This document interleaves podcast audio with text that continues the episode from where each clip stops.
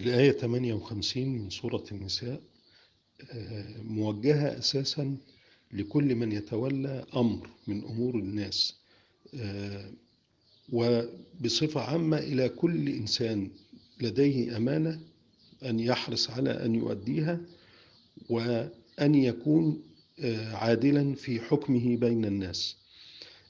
إن الله يأمركم أن تؤدوا الأمانات إلى أهلها. وإذا حكمتم بين الناس أن تحكموا بالعدل. فهذا نعم ما يعظنا به الله في التعامل بين البشر.